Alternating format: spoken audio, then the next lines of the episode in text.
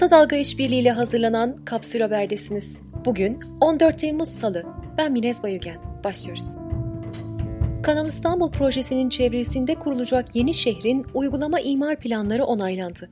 Katar emirinin annesi Şeyha Moza'nın Baklalı'da satın aldığı 44 dönümlük tarla turizm ve ticaret alanı oldu. İstanbul Büyükşehir Belediye Başkanı Ekrem İmamoğlu, Kanal İstanbul güzergahında 30 milyon metrekarenin üzerinde bir arazi değişimi yaşandığını tespit ettiklerini söyledi. İmamoğlu ayrıca Şeyhan Moza'nın arazisi için çıkan izne dair Çevre ve Şehircilik Bakanlığı'na itirazda bulunacaklarını da aktardı. Aralık ayında Şeyhan Moza'nın Başakşehir'de 100 bin lira sermayeli şirket kurup bir buçuk ay sonra Kanal İstanbul güzergahında 44 dönüm arazi satın aldığı ortaya çıkmıştı.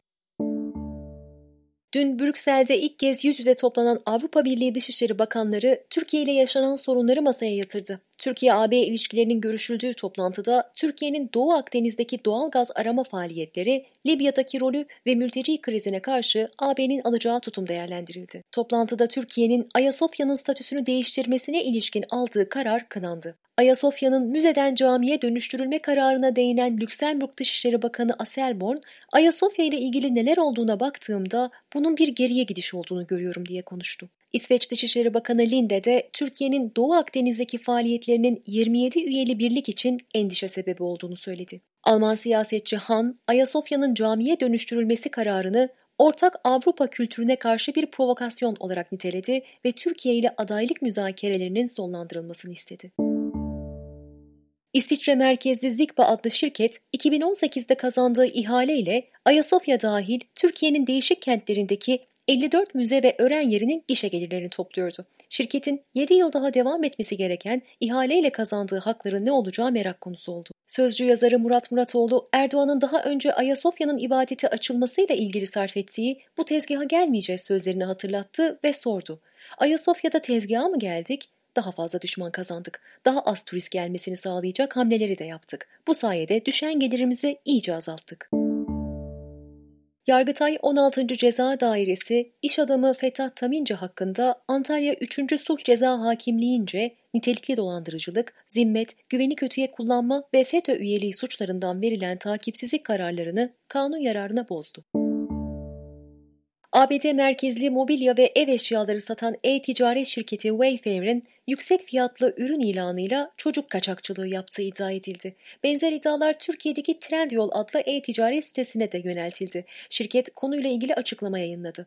Wayfair ile ilgili iddiaları mercek altına alan teyit, iddiaların varsayım olduğu ve çocuk ticaretine dair somut bir kanıt bulunmadığı sonucuna ulaştı.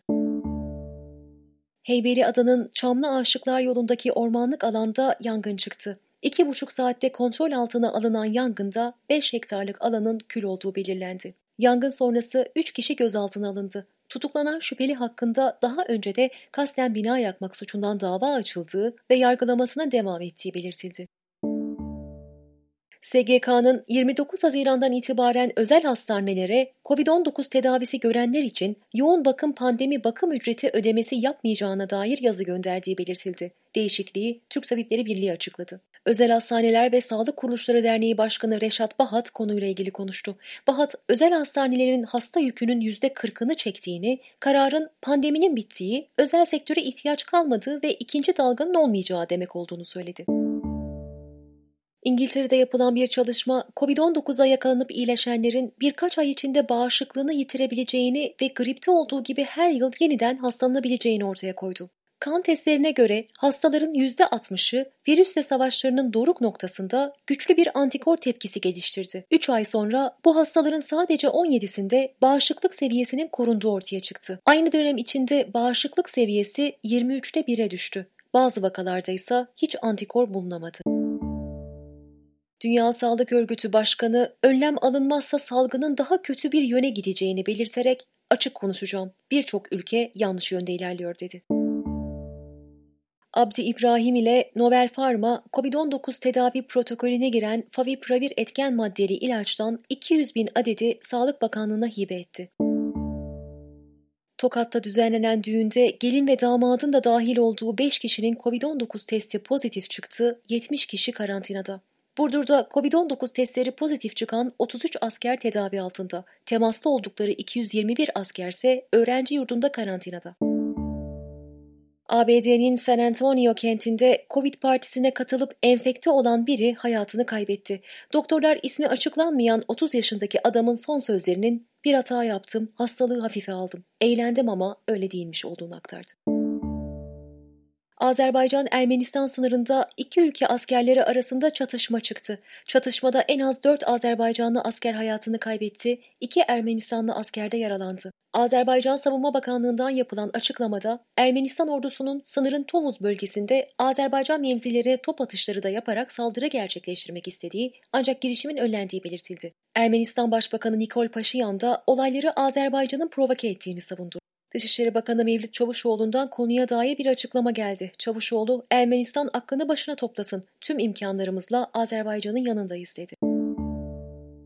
İstanbul Sanayi Odası'nın Türkiye'nin 500 büyük sanayi kuruluşu araştırmasının ilk üç sırasında Tüpraş, Ford ve Toyota yer aldı. Merkez Bankası Başkan Yardımcıları atamasında 10 yıllık tecrübe şartı ve Merkez Bankası'nın yıllık karının %20'sinin ihtiyat akçesine ayrılmasını öngören uygulama kaldırıldı. Farklı ülkelerden 80'i aşkın milyoner hükümetlerine çağrıda bulunarak pandemi sürecinde yaşanan kriz nedeniyle kendilerinden daha fazla vergi alınmasını talep etti. Ekonomik İşbirliği ve Kalkınma Örgütü'nün 2018'de yaptığı araştırmaya göre Türkiye, 1 litre alkollü içecekten alınan 50,52 dolar maktu özel tüketim vergisiyle dünyada 6. sırada.